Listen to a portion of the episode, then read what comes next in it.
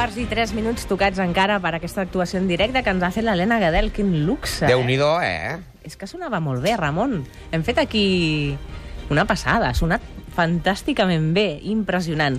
Alfons Gorina, què tal? Home, ara, després de que hagis dit això, el llistó està tan alt Està que, que, que em, altíssim. fa, No, però tu portes- em fa cos entrar aquí Que ara. tu portes tralla de la dura, també. Porto tralles. Sí, sí, sí. Sempre que arriba el mes d'agost la gent diu el mateix, eh, respecte al cinema. S'està fresquet a les sales, potser massa, caldria portar jersei, però bé, a l'agost la cartellera és una mica un desert, no? Sí, sí, sí, sempre és el que, el que diem, repassem una mica les setmanes, però, escolta, jo crec que encara rasquem bastantes coses, eh? Aquesta setmana tenim sort amb les estrenes perquè hi ha una miqueta de tot i prou interessant.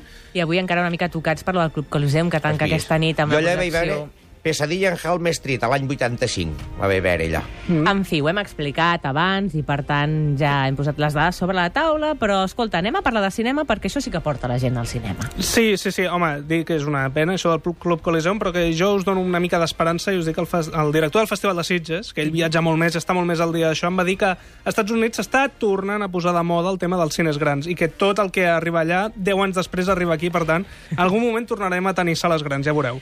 De moment, si no, eh, tenim aquesta setmana una pel·lícula infantil digna, anem a dir, que és eh, la segona part de Com entrenar a tu dragón. Cuando os vean como a uno de los suyos, hasta los dragones más rebeldes se pueden amaestrar. ¿Verdad, campeón? ¡Dame eso! ¡No! ¿Qué juego te traes entre manos? No, no es un juego, solo queremos conocer a Drago.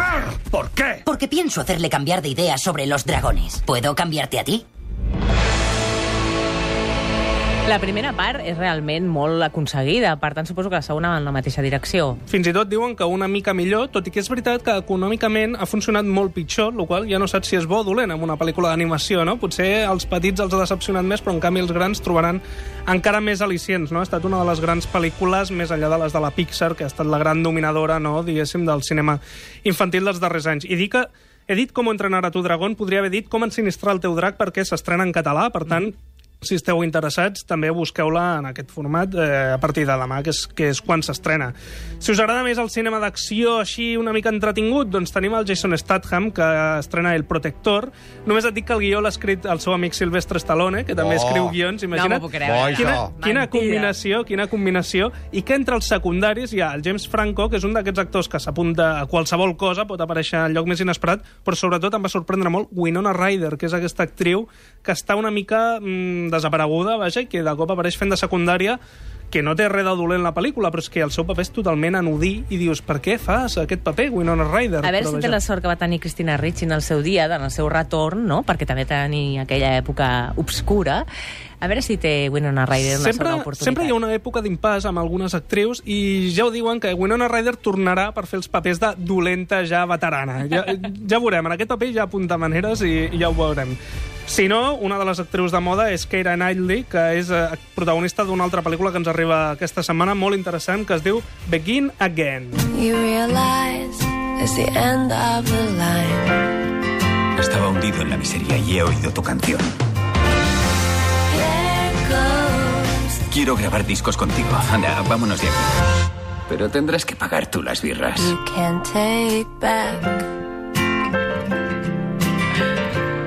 Està bé, la promoció d'aquesta pel·lícula està molt bé. A més, té com antecedent Once, no? Sí, és el, seu, el mateix director. La veritat és que jo anava amb por de que, mm, diguéssim, el director de Once fent Once un altre cop amb actors coneguts, però em va sorprendre molt positivament aquesta pel·lícula. És maca, és emotiva, és musical. La Keira Knightley a mi em falla una miqueta, no me l'acabo de creure, com a cantant de, diguéssim, de bar, allò intimista, però en canvi el Mark Ruffalo, que és el productor musical que la descobreix, està molt bé. Bé, és una pel·lícula molt maca i, escolta, molt refrescant, estiuenca, us la recomano molt, eh? Begin Again.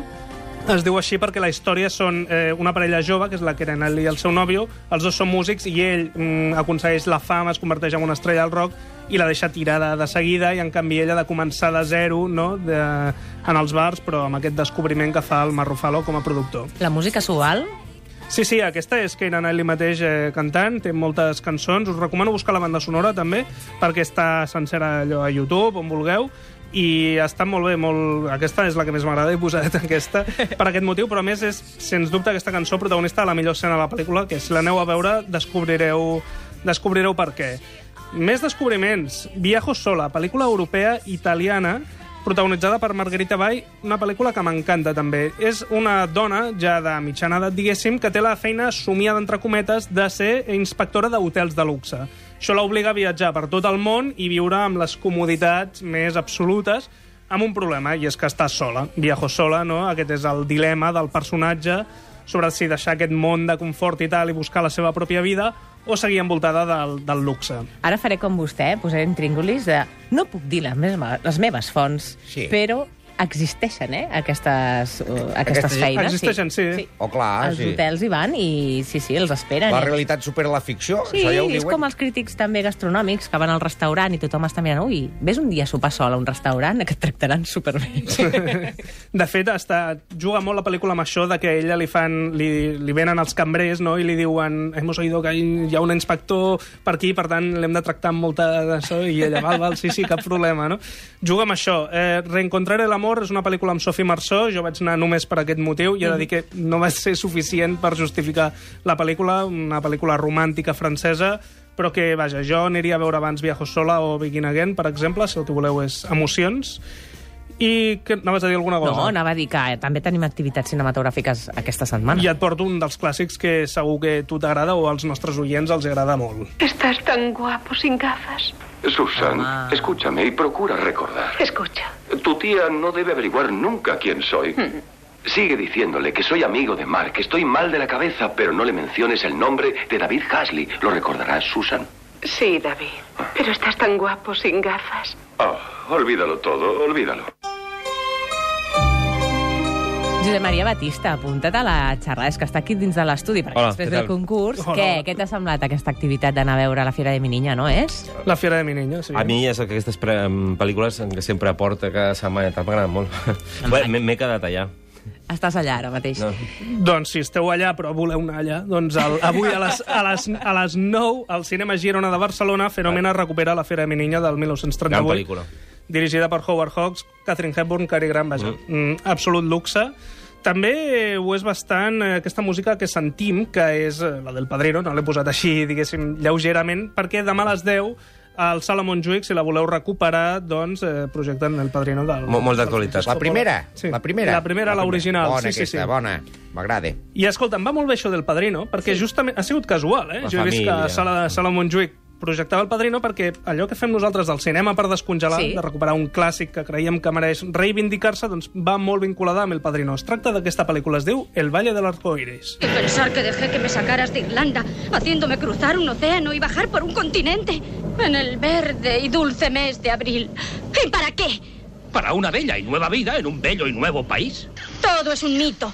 Igual que ese lugar tan sano llamado Valle del Arco Iris. En eso estás muy equivocada. Aquí está, señalado en mi mapa, firmado por el mejor cartógrafo de Escocia. No sé cómo puedes, yo nunca me fiaría de un escocés. Bien, pero fíate de tu padre, que es irlandés.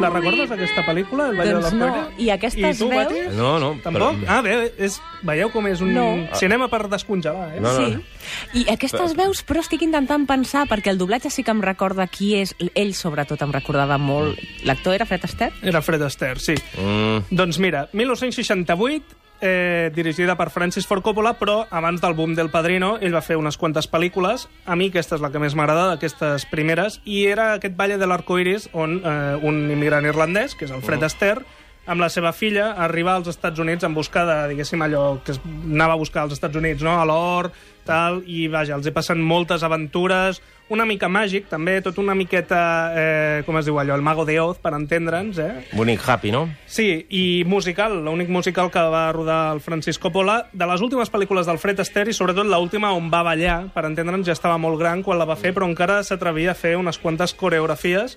És una pel·lícula divertida, mm, maca, emotiva, amb cançons, també, vaja, avui porto molt bon rotllo, eh, Mireia? Però de veritat que El Valle de l'Arco Iris és una pel·lícula que a mi em va emocionar moltíssim. Doncs me l'apunto perquè tinc ganes de recuperar-la. I també podem descongelar una sèrie. Una sèrie, eh, t'he de dir que a mi de sèries, tot i el que es fa ara és meravellós, eh, la meva dècada màgica també és als anys 60, per tant, ja que hem parlat d'una pel·li del 68, us parlo d'una sèrie ara que va durar un any només, del 66 al 67, i és El túnel del tiempo. El túnel Douglas. de un aguadí. No sé si me ¿En estás serio? viendo o solamente oyendo.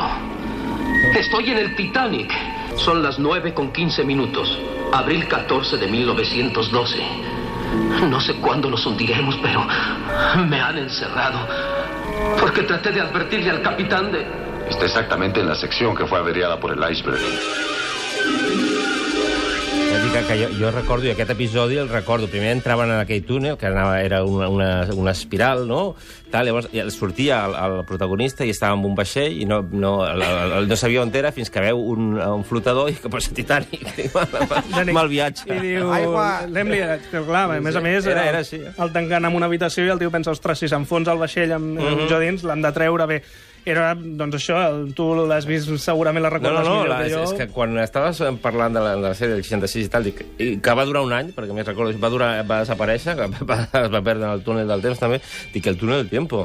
Sí, sí. A les sèries que duren un any tenen això, són com un fenomen de culte, no? A més, Un a més, bolet. Eh, era, la va crear Irving Allen, que va ser el dominador absolut de la dècada dels 60 en matèria televisiva, perquè va fer eh, aquesta sèrie, Perdidos en el espacio, Tierra de gigantes, Viaje al fondo del mar, és a Toma. dir, la, del el, el millor del millor. Vaja, és una dècada que jo la trobo màgica, perquè evidentment no tenia els recursos d'ara, però imaginativament en tenien molts més, sí no? Capitán Lee i l'almirall- Nelson. Ui, recuperarem sèries dels 60, va, Ui, que si et sembla que bé, eh? perquè a mi, a mi m'encanten. Podeu començar amb aquesta, el túnel del tiempo, que a més a més eh, es pot trobar, vull dir, es pot comprar i, vaja, no hi ha cap problema i recupereu-la que val la És pena. molt maca. La, les efectes especials, tot plegat, era... El que ve ara sí que és maco, també. Jo, Sí. home, aquí te m'has guanyat a mi, al fons, eh, amb la dada històrica d'avui. Sí, dada històrica, bé, sempre agafo pel·lícules, recordem que eh, han sigut molt importants, però que el rodatge va ser molt complicat i, per tant, diguéssim que és un petit miracle que després la pel·lícula hagi esdevingut tan important, no? En aquest cas, mm, Blade Runner. Todos esos momentos se perderán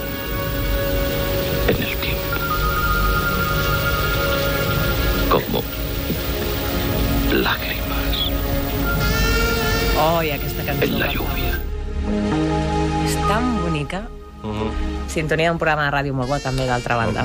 D'altra banda. De la primera banda. No, va, de la primera era Blade Runner, perdó, va. No, no, no, que va, cap problema. Posava aquest monòleg precisament perquè eh, és sapigut, i a més a més m'ho va confirmar eh, Roger Hauer, que era l'actor que deia aquestes paraules en persona al Festival de Sitges, que ell va improvisar aquest monòleg realment i dius, carai, una de les frases Uf, més recordades de la història del cine resulta que va ser una aportació personal seva en el moment que evidentment va quedar tan bé que van decidir eh, mantenir-la a la pel·lícula, no? No m'ho puc creure. Un cop de genialitat. Sí, no? sí. Eh, doncs mira, et seguiré portant coses d'aquestes molt divertides. T'anava a portar Titanic, precisament avui. Ho deixarem per la setmana que ve, perquè em vaig trobar una altra d'aquestes anècdotes molt divertides. També et puc dir que, per exemple, el personatge de Leon, que era un dels replicants dolents, l'havia d'interpretar un actor que es deia Frank McRae, ja estava contractat, però la secretària de Ridley Scott li va dir, escolta, en el càsting jo he vist un actor que m'ha fet por només de la prova que ha fet, que es diu Brian James. I el Ridley Scott va dir, val, doncs et faré cas i contractaré aquest Brian James i després doncs, ho va fer molt bé. I és una altra anècdota bastant divertida de la pel·lícula. Doncs encantats de recuperar Blade Runner amb l'argument que sigui, la veritat. I encantats de que vinguis aquí a explicar-nos-ho. Et quedes al concurs o què? Va, sí, sí. Sí, que ara regalarem rellotges, Ja que, ja que sí? el Bati ve aquí a interrompir-me, ara l'interrompré jo. M'han convidat, m'han convidat a interrompre.